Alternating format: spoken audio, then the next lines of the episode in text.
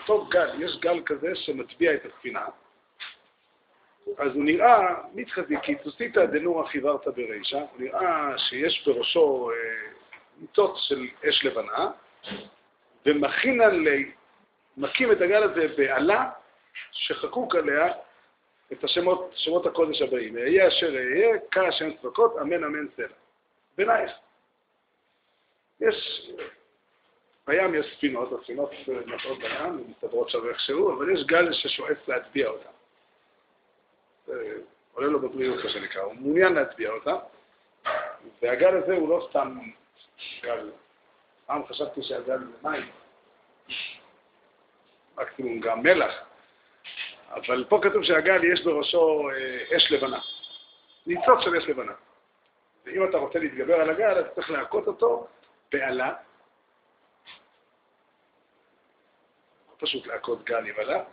והאלה הזאת היא לא סתם אלה, היא אלה שכתוב עליה שמות, שמות הקודש. זה סיפור אחד.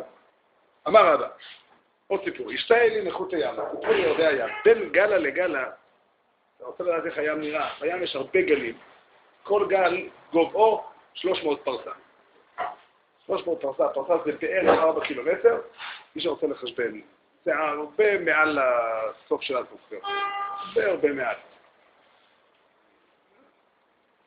כן. אני הייתי בים ולא ראיתי כאלה דברים, אבל בסדר. ובין גל לגל יש גם את אותו מרחק. איך כתוב פה? בין גל לגל, בין גל לגל יש תלת מהפרסה, ורומא דגל תלת מהפרסה. זה המרחק. והוא רוצה להדגיש איך זה. זימנה חדה אזרין ברוך, פעם אחת נסענו בדרך, והגל הרים אותנו למעלה, וראיתי את הכוכב הקטן, את הכוכב הכי קטן שיש, הוא היה, ראיתי אותו כמו שטח שבו זועים 40 אה, קו חרדל.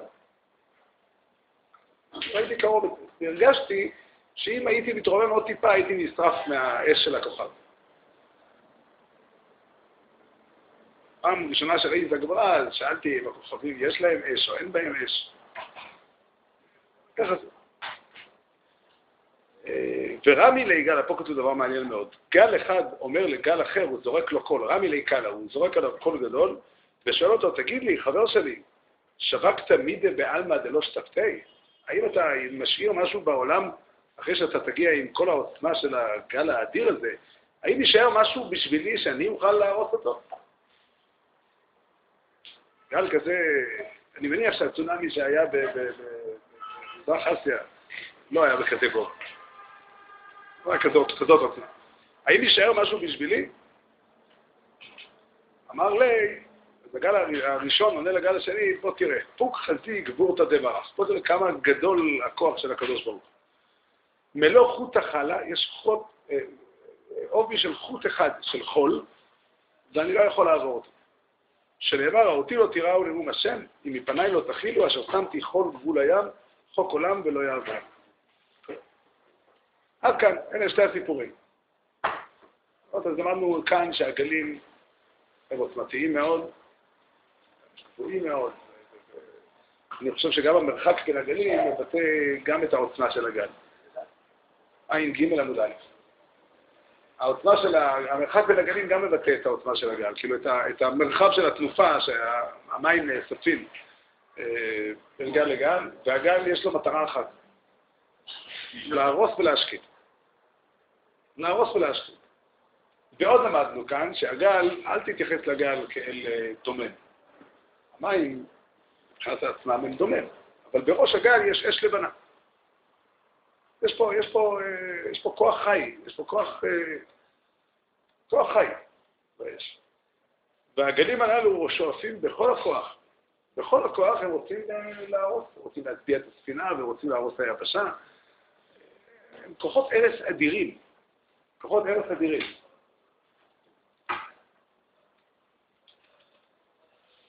רק שיש שתי דרכים, איך, שתי דרכים של הגנה. אחד זה העלה הזו, שכתוב עליה שם השם, והיא, סליחה, מה שנקרא להשקיט, להשקיט את הגל, והדבר השני זה אשר שם חול גבול הים. נו, מה, מה, מה אנחנו יכולים להבין כאן? טוב, אולי יגיד כמה מילים על, ה, על הכיוון מחשבה, זאת אומרת, מאיפה, מאיפה לחפש פתרונות לחידה הזאת. ברור לנו לגמרי שגל גדול וחוף בפרסה לא קיים בעולם. ודאי לא הנוסחה הזאת ש... זה הסדר הרגיל של הים, שכל הגלים בכזה גובה. לא איזה סיפור של נס. קריאת ים סוף היא נס שהיה חד פעמי, והוא מסופר בתורה בתור נס. זאת אומרת, בתורה לא כתוב בשום מקום של דרך הימים להיקרא. אם היה כתוב זה היה הורס הסיפור של קריאת ים סוף. כל הסיפור של קריאת ים סוף הוא סיפור שהיה נס חד פעמי בשביל להדביר את עם ישראל, ב... בשביל להטביע את המצרים או בשביל להדביר את עם ישראל. פה מדובר פה על, על, על האופן, ובצורה ברורה, הרב מספר פה, מה שאמרו לו על איכות הים, הם מספרים לו על, ה, על הסדר הרגיל של העולם. ואנחנו שומעים כאן שיש בעולם כוח הרס נורא. כוח הרס עצום. ופה המילים האלה קצת... שנייה, שנייה אחת. פה המילים האלה, כשאנחנו מדברים על כוח הרס, הסיפור מתחיל אה, לתפוס איזשהו הד בלב שלנו.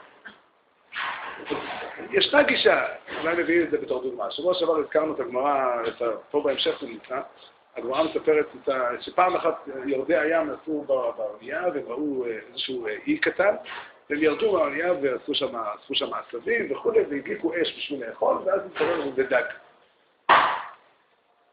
אז אני ראיתי מישהו שכותב פירוש על, על, על המאמר הזה, הוא אומר, הוא אומר שלפני הגאולה יהיה שלב שבו עם ישראל כבר לא יהיה לו כוח לסבול את הגלות, הם יחפשו איזושהי אה, מנוחה. יגיעו לארץ ישראל ויקימו שם מלכות וכולי וכולי. אבל זה מלכות של אבל, ואילולי זה קרוב ליד המשיח, מי יודע מה היה קורה. לא יודע.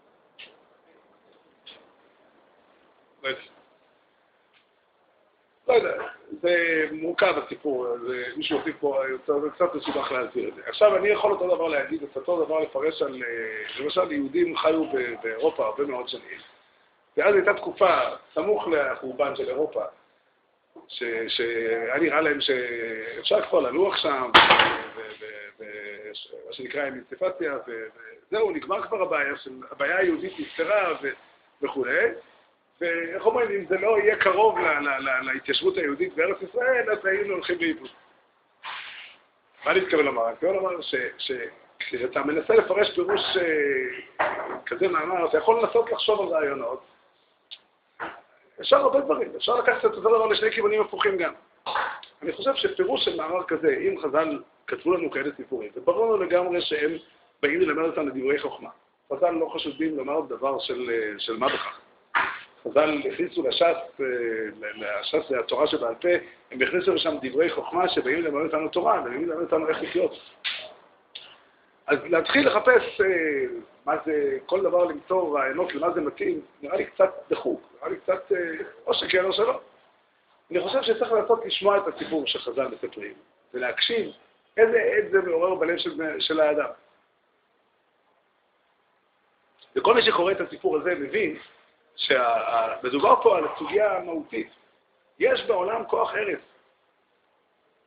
אי אפשר, זה יהיה נאיבי מדי, נגיד אין רע בעולם.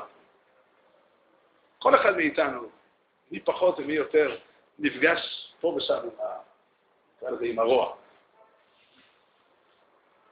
יש, יש כזה דבר. ואדם אדם, אדם מוטרד מהשאלה הזאת, בהרבה הזדמנויות אדם עומד ואומר, מה, מה קורה פה? מה קורה פה? וזה מפתח, זה מביא באדם כל מיני כיוונים של מחשבה. איך, למה יש רע בעולם? מאיפה זה מגיע? והאם אנחנו נגיע למסקנה, וזה די קרוב אצל הרבה אנשים להגיד, העולם הזה הוא... אה, העולם הזה הוא רע. אתה כבר מנסה לפתור את הבעיה. עוד מעט נגיע לשם, בעזרת השם. ננסה מה שנראה לי להגיד.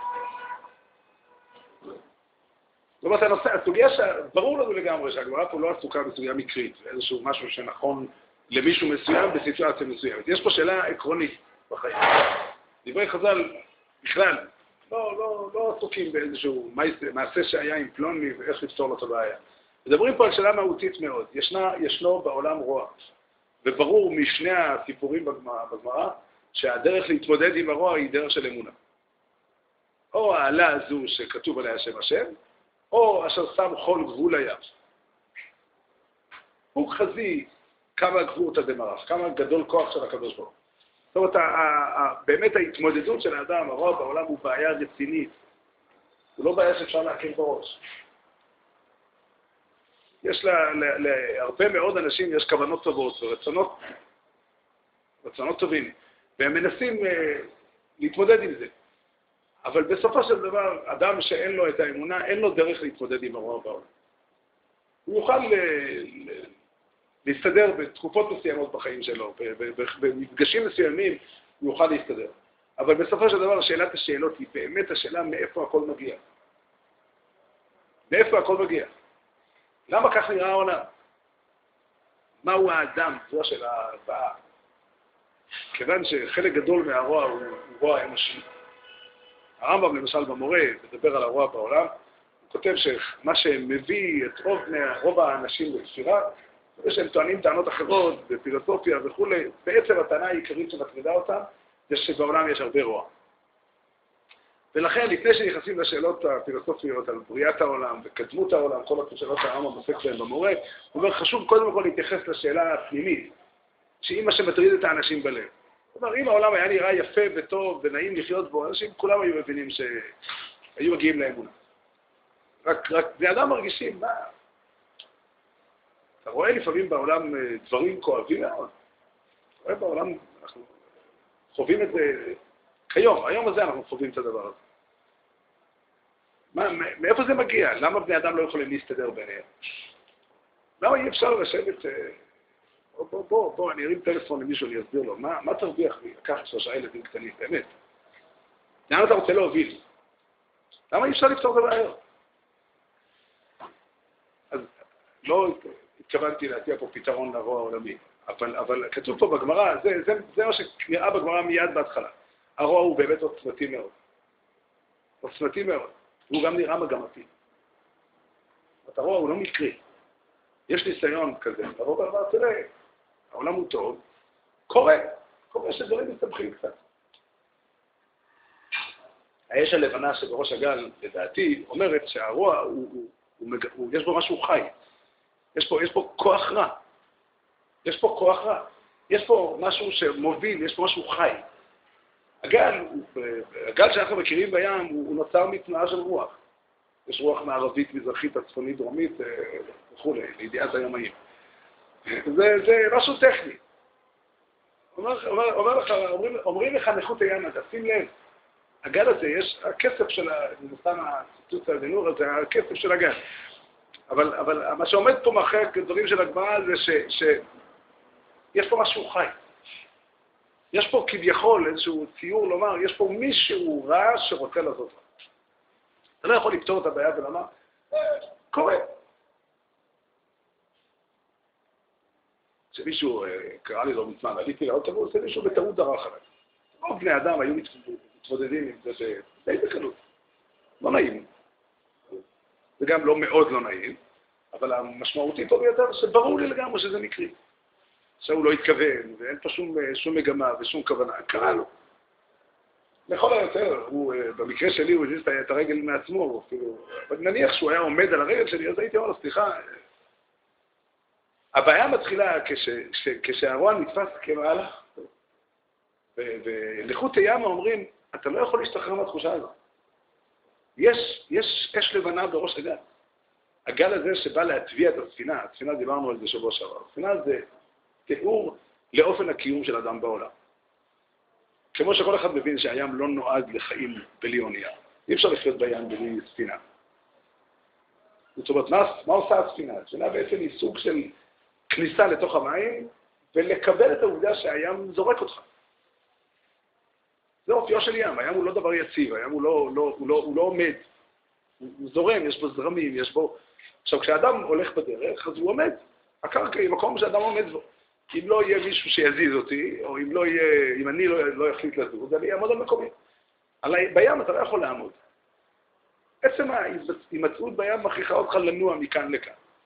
והספינה היא אופן מסוים שבו אני מצד אחד מקבל, לא נמצא על הקרקע, לא עומד על הקרקע, אלא נותן לעצמי לעוף, לנוע מכאן לכאן, וככה, זו הדרך איך אני יכול בסופו של דבר כן להוביל את זה לאיזשהו כיוון. לנצל את הרוח על ידי המפרשים, מבשפים וכולי. כן, בני אדם אה, למדו דרכים איך להתקיים בים, אבל שים לב, אל תצפה לי יציבות מוחלטת. תבין שהמציאות בעולם כרוכה בהתגמשות לכאן ולכאן. אבל כאן באים, אה, באים לנו מחוץ לים ואומרים לנו עוד שלב. תדע לך שיש גלים בים. הגלים הם אי גלא דלמד בלת פילתא. יש גל שבא להצביע את הספינה. הוא החליט החלטה. הוא קיבל החלטה, הוא יפיל אותך. ותבין, הגל הוא לא איזשהו אה, גל שעושים אה, סערה בכוס מים. הגל הוא עוצמתי. מספר 300 בחז"ל תמיד מופיע אה, כתיאור של מספר פנטסטי. מה שהיא אומרת בכמה מקומות, שדרך חז"ל תמיד משתמש במספר 300 כשהם מגזימים. לא ניכנס לשאלה למה. זה דבר שאפשר להוכיח בהרבה מקומות, אה, הרבה, מכמה מקומות בחז"ל. מספר 300 הוא מספר של ג'ודי. סתם 300 כהנים היו אה, מטבילים את הפרוכת, היו צריכים לסחוב, 300 כהנים היו צריכים... כמה מקומות. אבל יש גלים, והגלים הם עוצמתיים. נתנו, דומה לזה קצת, נתנו. שוב, הגמרא בחולין, הגמרא אומרת על, על המאבק של אה, יעקב אבינו עם שרו של עשיו. כתוב שם שהם העלו אבק במלחמה שלהם עד כיסא הכבוד. פירוש, המריבה הזו היא לא מריבה על, על פרט קטן. קורה שאדם יש לו ויכוח, או אפילו מריבה, על, אתה יודע, המנה, הזו, אה, למי היא שייכת? השניצל הזה בארוחת צהריים, למי הוא שייך? וזה הוויכוח. כל אחד יודע שמריבה כזאת היא מקומית, היא מוגבלת. ילדים, אתה רואה אותם רבים, זה לא סותר, אחרי עשר דקות אה, הם יהיו חברים טובים ויריבו איתך. כן, אבל יש מריבה שהיא עד כיסא הכבוד. היא ממלאת את כל המציאות. הגלים הללו גם הם, הם ממלאים את כל המציאות כולה. עד כמה שאדם יכול אה, לתפוס לעצמו גובה, לדמיין מה נקרא גבוה ומה נקרא רחב, את כל הרחב הזה הגלים ממלאים. אותו, אותם גלים שבאים להחריג את העולם. ונכות הימה רוצים ללמד אותנו, נכות הימה רוצים ללמד אותנו, תדעו לכם שהרוע בעולם הוא, הוא סוגיה רצינית. יש אה, סוג של אופטימיות שהיא נאיביות. זה לא, זה לא צחוק. זה לא צחוק. יש בעיה, ישנן בעיות רציניות. ישנן בעיות רציניות. והשאלות האלה הן שאלות אה, מטרידות. חוץ מהכאב שהרע יכול לעשות לך, יש פה שאלה קיומית, איך אני מתייחס לזה, איך אני, איך אני בולע, בונה, בולע את המציאות הזאת. וכתוב פה בחז"ל, בשתי הסיפורים, איכות הים אומרים לך, לא יודע אם נדבר על ההבדל ביניהם, אבל קודם כל בשניהם אומרים לך, תדע לך, אמונה היא הכרחית. לא רק בגלל שהאמונה היא שהקדוש ברוך הוא יציל אותך מהרוע. האמונה בעצם אה, מסבירה לך מהו העולם באמת. מהו העולם באמת? מה המקום של הרוע בעולם? למה הוא נמצא? העלה הזו שכתוב עליה שם השם. אם רוצים לדבר איתך על זה שנותנים מכות לגל, אני מבין שצריך עלה בשביל זה, אבל למה אתה שיהיה כתוב עליה שם השם? אתה מבין, אני מבין, אפשר ל... כן, וכתוב גם, אתה רוצה, ואולי אולי נקרא את השמות שכתוב פה. השם שכתוב פה הוא יהיה אשר יהיה, שמופיע ב... המקום היחידי שהשם הזה מופיע הוא ב... שמשה רבינו בסיני, מדבר, חז"ל דרשו אותו, אהיה איתך בגלות זו ואהיה עמכם בגלות אחרת.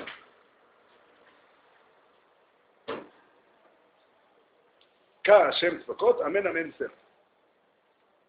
מה עם השמות האלה? צריך אה, להתבונן. אבל כל פעם עוד, עוד, נגיע לזה עוד, עוד מעט. אבל, אבל מה שברור פה הוא שהאמונה היא הנקודה, ובצד השני גם כתוב. אבל יש פה הבדל. הבדל יסודי מאוד בשני ה... בסיום של שני הסיפורים. מי שקורא את הסיפור הראשון לבדו מבין שהולכת להיות פה מלחמה. אתה צריך בשביל להילחם מקל, עלה.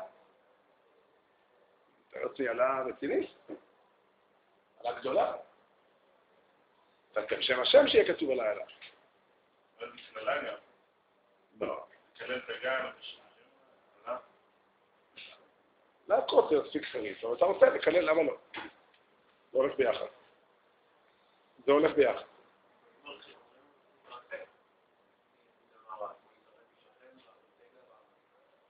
הבעיה היא שההתרחקות היא לא... איך אומרים? לפעמים, לפעמים זה אפשרי, אני לא, לא שולל את זה, אבל בהרבה מאוד מקרים זה לא כל כך אפשרי. פשוט. פשוט כך. זו המציאות, בהרבה מאוד מקרים זה לא אפשרי. ובסיפור השני כתוב פה משהו מאוד, הסיום של הסיפור, מה שנקרא ה-happy end, הסיום הטוב של הסיפור הוא ממש מפתיע. הגלים הגדולים האלה מגיעים ולא עושים כלום. הגלים האלה מגיעים, הם עוצמתיים, הם נוראים עד כדי כך שהגל השני סבור שכבר לא יהיה לו מה לעשות. ממש במילים האלה כתוב פה. חברתי, גל אומר לחברו, חברי היקר, שווק תמידי בעלמא דלא שתפתי דלי תאנה ונעבדי? האם תשאיר לי? אני, אני גם רוצה להראות משהו. כזה גל עומד לפניי, הוא יהרוס את הכל, לא יישאר לי כלום. אני גם רוצה להראות משהו. לא, תראה, אני מגיע עד לחוף ונעצר שם. אני לא יכול לעבור את החוף. מה? כן, יש פה הבדל בתיאור באמת, זה נכון, שם מדובר על ספינה ופה מדובר על חוף, אבל אני חושב שאפשר ללכת פה לעוד כיוון, אבל אני חושב שיש פה באמת שתי צורות מבט. יש פה שתי צורות התייחסות. אפשר לתפוס את הרע ואת ההתמודדות עם הרע דרך מלחמה. יש דרך כזו בחיים. יש דרך כזו בחיים. יש דרך שאומרת, תשמע, הרע הוא כוח חזק מאוד, הוא עוצמתי מאוד, הוא גל דמצבא לספינתא, הוא גל שבא להצביע את הספינה, ואין לך ברירה אלא לצאת למלחמה. אין לך ברירה אלא להילחם. להילחם. אפשר להוסיף פה לקלל, זה גם סוג של מלחמה. להילחם. החיים הם מלחמה, מכירים את הביטוי הזה. זו גישה מאוד רווחת. מאוד מאוד רווחת, והנכות הימה מכירים אותה. הנכות הימה מכירים את הגישה הזאת. יש, יש הלה, וצריך, יש גל, וצריך להכות את הגל הזה. זה הדרך להתמודד עם מלחמה. זה מפתיע. זה, זה חריף. אני קראתי תיאור שכתב אדם שגדל לפני אה, מאה שנה ויותר, הוא גדל באיזה עיירה באירופה, גדל בחיידר, מה שנקרא, ככה הוא כותב. ויום אחד, הוא אומר, הוא יצא מחוץ לעיירה, זה היה יום הדפגרה, המלמד בחדר שלח את כולם הביתה, אבל בגלל שאימא לא ידעה שזה יום שנגמר, שהרבי גומר מוקדם, אני לא יודע בדיוק למה, אז הוא יצא לטייל מחוץ לעיירת כבר. השאלה. אפשר להתקרב אם לא שומעים שם. אני יכול לעשות דבר יותר בקול גם. אבל... אז אותו יהודי מספר, אותו נער מספר שהוא יצא החוצה, והוא היה בחוץ יום אביבי נעים, והיה שמש, ופרחים, ועיתים, ופה ושם ציפורים היו מצייצות, ובהמות הולכות. הוא אומר, אני פתאום קיבלתי מכה בראש, הוא אומר, סוג כזה של ביטויים. היה לי אלף. הוא אומר, העולם הוא לא השטן. יש בעולם יופי, ואפשר ליהנות ממנו. הוא, אותו, אותו אדם, אה, יצא משם לתרבות רעה. שנים ארוכות לקח לו שנים לעשות את זה, אבל בסוף, החלק הארי של ימיו הוא היה אדם אה, אנטי-דתי. אבל הוא כותב שזאת הייתה החוויה הראשונה שלו. הוא מעמיד באופן חריף, יש חיידר, בחיידר ובבית מלמדים שיש, שהעולם הוא שטן, ויש גישה אחרת שאומרת שהעולם הוא יפה וטוב. הנורא בסיפור הזה, שבן אדם באמת מבין שמה שהתורה באה ללמד זה שהעולם הוא שטן. מבחינתו זה הבשורה. זאת אומרת, השאלה אם להיות דתי או לא להיות דתי זה לקבל את המסר של התורה. הוא אומר את זה במילים האלה. המסר היחידי שלמדתי בחדר היה המסר הזה. אני חושב שהמילה חדר שם מתכוון להיות אה, משל לכל מה שמסביב לחדר. כי אם היה לומד מסר אחר בבית כנסת, אז החדר היה שם את החדר בצד. אם היה בבית לומד בסדר אחר. אבל ישנה תפיסה דתית כזאת. ישנה תפיסה דתית כזאת שאומרת, תשמע, מה יש לתורה, מה יש לאמונה להגיד? אל תתייחס ברצינות לעולם. תדע לך, העולם, תתייחס ברצינות, תתייחס בעוינות לעולם. העולם הוא האויב שלך. יכול להיות. קח לך כלל בחיים שהגישות הנכונות והלא נכונות, לאף אחד אין מונופול עליהן. טעויות יכולות להגיע לכל מקום. אבל פה כתוב שנכות הימה אומרים, יש כזה מקום. יש לזה מקום.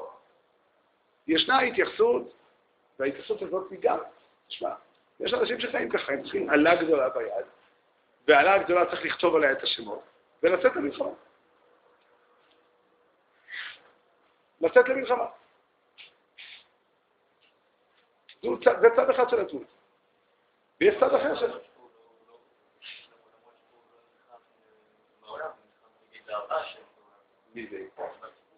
כן, אבל תבין שהגל זה לא אה, מישהו שאתה יכול לבחור לפגוש אותו או לא. גלעד הציע קודם, תתרחק מחברה. כל מי שמבין רגע איך נראה ים, אם יש גלים כאלה בים, אתה לא יכול להגיד, אני נוסע בים ולא פוגש את הגלים. כשהגל מגיע לשם, אני הולך הצידה. אה? הגל מגיע... שוב, צריך גם להבין שמדובר פה על עיקרון. עיקרון, לשאול קושייה, יכול לשאול קושייה, למה אי אפשר ליצור איזשהו כלי כזה שלא יודע, להיכנס, להוריד את הראש ולתקול? אני לא יודע תשובה לשאלה, אבל חז"ל באים לספר פה, לדבר פה על עיקרון. יש רוע בעולם, ועם הרוע הזה צריך להתמודד. וחז"ל מביאים פה בסמיכות שתי צורות התמודדות. שתי צורות של התמודדות. יש צורה אחת שהיא הצורה של מלחמה. אני מניח שגם הצורה הזאת יש לה מקום באופנים מסוימים בחיים. יש רגעים בחיים שבהם הרע מגיע, והוא, אה, לך תסביר לו, לך תדבר איתו. יש כזה בדיחה שאומרים שהיה אדם שאמר, יש לי סגולה נגד כלבים. לא, אם מגיע לך כלבים אה, מסוכנים, אז תגיד את הפסוק, ולכל בני ישראל לא יכעס איש כלב לשלום. עכשיו, אני לא נותן את הסגולה לכל אחד. כל מי שרוצה שאני אתן לו את הסגולה, אני דורש את הכסף. אותו אחד ששילם כסף שרב בסגולה, הולך שמח למקום שהוא צריך ללכת, שם יש כלבים. חוזר משם נשוך בכל חלקי גופו. אז הוא חוזר ואומר, מה שהכרת אותי? הוא אומר לו, הסגולה היא מצוינת, הבעיה שהכלבים לא הבינו את הפסוק. יש לפעמים שהכלבים לא מבינים את הפסוק, צריך, צריך עלה. אבל הסיפור השני מספר לך סיפור אחר. תבין שהגלים, הם, הם, הם לא, אין להם מה לעשות. זה סוג של, סוג של אשליה. הכוח העצום של הגלים, ה-300 פרסה על 300 פרסה, והרצון האדיר שלהם להשמיד, להרוג ולאבד את כל היהודים מנהר ועד זקן טף ונשים ביום אחד. או לאו דווקא יהודים, להשמיד, להרוג ולאבד. כוח ההרס הנורא הזה, שקיים במציאות, הוא מגיע עד לחוף, ושם הוא נגמר. אשר שם חול גבול הים. מה זה? איפה, איפה החול הזה נמצא? איפה החול הזה נמצא? באיזה אופן אני יכול, איך אומרים, להסתתר מאחורי החוט של החול הזה? שוב, אני מדבר פה על ה, על ה, לא על המשל, אלא על הנמשל. מה אני אעשה? בני אדם קיימים בעולם. אתה יכול לראות אנשים, לפעמים אתה רואה בני אדם הולכים. ועושים, הולכים לכל מיני מקומות ופוגשים כל מיני דברים, והלב שלך יוצא, מה יהיה איתה? החול, איפה הגבול היה, איפה החול שהוא גבול? לא תמיד אנחנו רואים אותו.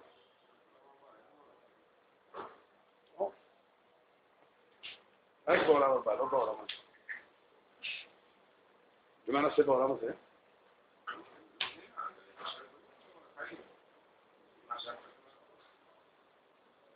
לא יודע, אשר שם חול גבול הים, אתה אומר, לעולם הבא זה לא מגיע. לקבל את הנחמה הזו?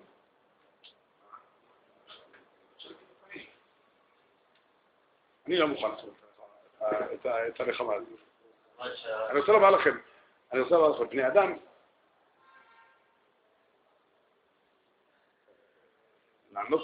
לענות אה, תשובה שלמה למה שאתה אומר, למה אני לא מוכן לקבל את הגישה הזאת, אפשר להרחיב את זה מאוד. ולהגיד לך את זה בצורה הכי פשוטה. אתה מוכן לתאר בן אדם, לתאר לעצמך אדם שחי וכאן, ברוך השם, החיים בעולם הזה הם לא כל כך קצרים. אדם אה, מקווה שהוא יחיה לאורך ימים ושנים, ימי חיינו בהם 70, 80 שנה, 120 שנה. יש כל מיני נוסחאות כמה, אבל כמה עשרות שנים אדם חי בעולם, בעזרת השם. ואדם קם בבוקר, אתה לא...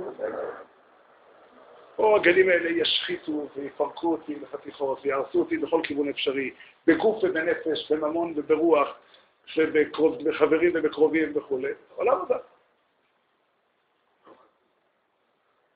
לא אמרת את זה, אבל, אבל זה מאוד מאוד מוביל. אם אנחנו לוקחים, יש אדם שיגיד, יש גישה, נקרא לזה גישה מינימליסטית. הגישה הזאת, הוא לא כזה נורא, יש בעיות בעולם, בעולם הזה יש קשיים, העולם הבא הוא עולם של עונג מושלם. זו גישה שאני איכשהו עוד יכול לקבל אותה. לא ממש לגמרי, אבל אני יכול. מה?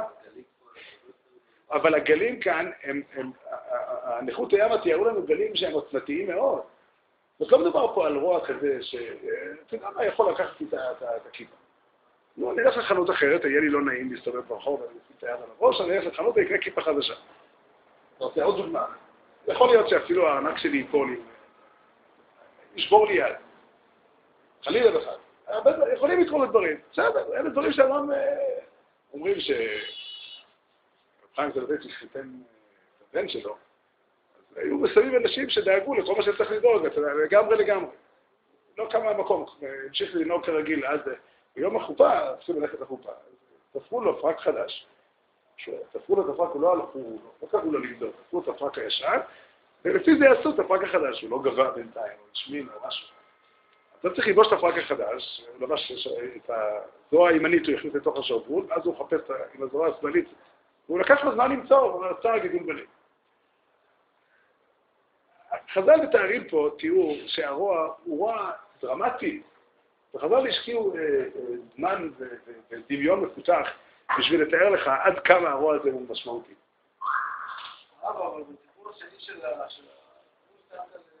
אשר שם חול גבול הים. הרוע הוא קצת דמיוני כזה, קצת מתנפץ,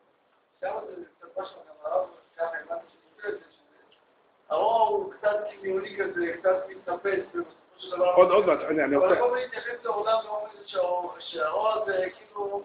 לא, לא, לא, אני אגיע לזה, בסדר, אני רוצה אבל לענות לו. עכשיו, אם אתה מציב, אחרי הדיבורים האלה, לבוא ולהגיד שהיבשה היא עולם הבא, ובעולם הזה באמת מה? ניף. אם אנחנו רוצים להגיע לאיזשהו מקום, אנחנו כבר... והגלים הנוראים האלה לא עושים כלום לספינות? יש אללה. לא הבנתי. בסדר, אז הוא מציע לך לומר שהעולם הזה, תדע לך, זה מה יש. אני חייב לומר שהגישה שאתה מציג היא גישה מאוד מאוד רצינית. היא מאוד מכובדת. הרבה מאוד מאוד אנשים יסכימו איתך. הרבה מאוד מאוד אנשים. מאוד הרבה. אני חייב גם להוסיף שאני לא ביניהם. במידה מסוימת, במידה מסוימת כל מה שאדם אומר הוא סובייקטיבי באיזשהו מקום. לא, אני אומר, אתה ממש... יש מה שחז"ל אומרים ויש מה שאני מרגיש. אתה לא יכול להגיד פסוק. לא, לא, לא. ברור שאני קורא את דברי חז"ל ואני מבין אותם לפי התפיסה שלי. אין אדם שלא צובע, אין אדם שלא צובע את הדברים. חז"ל אמרו שכל הנביאים כולם לא נתנבאו אלא בכה אמר השם. מוסיף עליהם משה שהתנבא בזה הדבר. זאת אומרת, כל הנביאים כולם, אפילו הנביאים שמדברים דברי נבואה, זה כה אמר השם, כף הדיון, זה דומה למה שהשם אמר.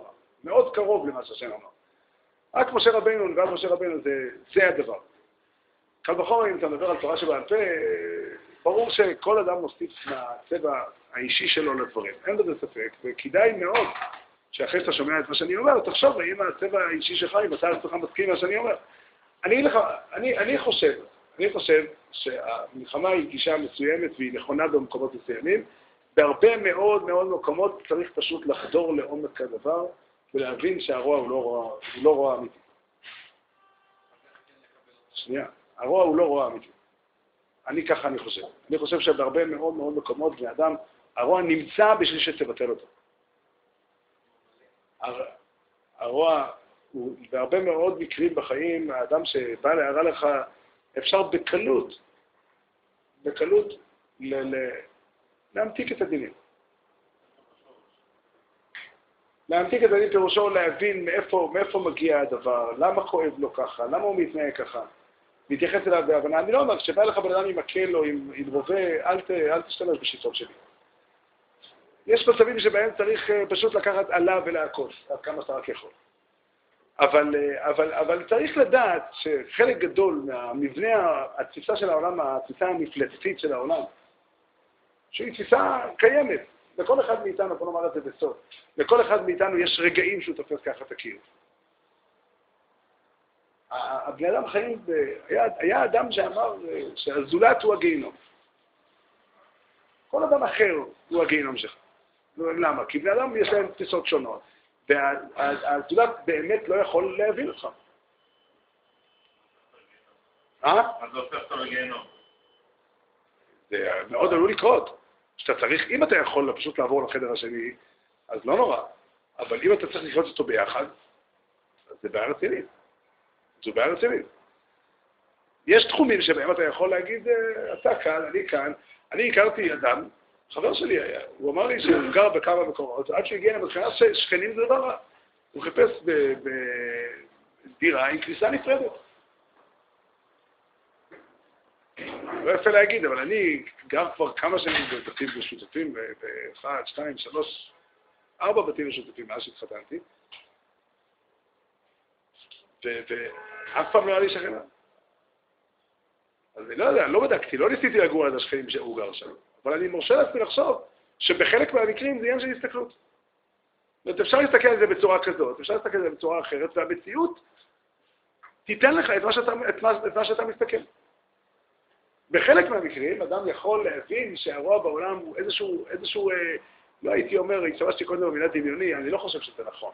כי הרוע הלא אמיתי יכול להופיע ולהכות בכוח רב. זו דוגמה, זו דוגמה. אני לא יודע אם מדובר על בחירה או לא. אני לא, נראה, אני לא רוצה להיכנס לשאלה, אני לא יודע אם זה בחירה. אני לא חושב, לא בטוח שזה בחירה, אבל זה מגיע מבפנים. זאת אומרת, אתה יכול באמת, ורוצים, אתה יכול באמת ללמוד בתהליך, ללמוד ולהבין שהמציאות, ושוב, אני חושב שהדבר הזה במובן מסוים הוא שורש אמונת הייחוד. הזכרתי פה כמה פעמים משפט שמישהו שם לפי החזון איש, לא יודע אם זה מדויק נאמר ככה או לא, אבל החזון איש אמר פעם, היה לו ויכוח עם מחנך על דרכי חינוך, אז הוא אמר לו, כבודו מאמין מדי באדם. אז הוא אמר לו, תראה, אין לי ברירה. מתוך שאני מאמין במי שיצר את האדם, אני חייב להאמין באדם שהוא יצר. כן. ובמובן מסוים אני חושב שזה אמת טהורה. אני חושב שזה אמת טהורה. עכשיו מישהו ישאל, וקודם מישהו הזכיר פה עמלק. בוא נניח את עמלק בצד. רוב האנשים שפגשנו ב-20 שנה הקרובות לא היו עמלקים. הסברה נותנת. וההבנה, ההבנה, אתה יכול לשמוע אנשים מדברים, לפעמים, לפעמים כשאתה מכיר את שני הצדדים, אתה, אתה, אתה עומד מהצד ואתה אומר, וואי, למה השיח הוא שיח חרשים כל כך? למה שתי אנשים, שתי הצדדים מדברים אחד על השני, וכל אחד עסוק, כשאתה מנהל מריבה עם בן אדם, אתה, אתה עסוק בלהבין, ידע את האויב זה נקרא. ותשמע מבן אדם איך הוא תופס את האויב, ואני מכיר אותו. אם לא הייתי מכיר אותו, הייתי יכול לקבל. כמה פעמים קרה לי שיצא לי לשמוע על אותו, אותו, אותו נושא, את האימא ואת הילד. כל אחד מהצדדים לגמרי שבוי בתפיסה שלו, והוא רואה מולו את, ה, את הרוע בהתגלמותו. ממש ככה. פעם יצא לי ללמוד בזה, בבית מדרש להזכיר את הפסוק, כי כאשר יעשר איש את בנו, השם אלוקיך מייסרק. וקם שם בחור ואמר, נו, מה זה אומר שזה כל כך גרוע? זאת הנחת היסוד שלו הפשוטה הייתה. עכשיו, אני מכיר את אבא שלו. אני לא יודע איך הוא מתנהג עם הבן, אבל אני לא חושב, אני מכיר אותו, הוא חבר שלי במידה מסוימת. זאת אומרת, בני אדם שבויים הרבה מאוד פעמים במציאות, והם שופטים. עכשיו, מה יקרה אם אדם ינסה רק לחשוב, רק לחשוב, מאיפה מגיע המקור של ההתנהגות של הזולת? לא תמיד אני יכול לדעת, אני לא יודע. אבל להבין שאנשים פועלים באמת, זה כל כך נכון במציאות. כמעט תמיד מתוך חולשה, מתוך פחד, מתוך מצוקה, מתוך אי ידיעה וחרדה. זה, זה, אני אהיה זהיר. הייתי אומר שמאה אחוז מהרוע בעולם מגיע לי. אבל אני אהיה זהיר קצת, אני אגיד 90 אחוז. כדי לא לקומם עליי, אה, שיבואו וישאלו מה עם עמלק. 90 אחוז. זה ממש ככה. עכשיו, זה קורה, זה מה שכתוב כאן. כתוב כאן שזה קורה בעולם יום-יום. זה קורה בעולם יום-יום. זאת אומרת, האופי של המציאות היא שבני אדם באמת נקלעים לחולשות הללו ולחרדות האלה ולחוסר ההבנה אחד של השני. זה, זה מעשים בכל יום. לא מדובר פה על uh, משהו נדיר. אבל, אבל אחרי הכל, תנסה להבין, האם יש מישהו שקם בעולם, לפעמים אתה שומע על ויכוח מאוד מאוד בולט, שמדובר על מריבה בין בני זוג. ולפעמים קורה שזה אנשים שהכרת אותם, או אתה מכיר אותם מחוץ לתחום הזה, והם מתנהגים יפה מאוד. מה נראה לך? שאשתך קמה בוקר אחד והחליטה, היום אני אהרוס את הזוגיות שלי, היום אני אהרוס את הבית שלי, את הילדים, ישחית ויקלקל ולהשמיד, להרוג ולאבד? באמת. ככה זה, ככה זה התחיל. אני אומר לך זה, אני אומר לך בן אדם, אני מכיר אותה, היא הרוע בהתגלמותו. אני מסכים, אני מסכים, אני מסכים, אבל אני שואל אותך, אם אני אבין קצת את, את נקודת, את, את המקור, את, את הסיבות, ה, סליחה על הביטוי, את הסיבות העלובות, את הסיבות לא במובן, ה, כלומר, לומר, כאילו, מה, מסכנה, מה אתה רוצה ממנה? זה לא ישנה את התמונה? אני לא אומר שאני צריך לקבל את העובדה שמישהו זורק עליי אבן. אני רחוק מאוד מהמסקנה הזאת. אבל, אבל, אבל כשאתה הולך לטפל באלה שזורקים עליך, תזכור, עשו את זה כי חשבו שאתה הולך לזרוק עליהם אה, בניין. בטעות. עשו את זה מתוך פחד. זה מעשים בכל יום.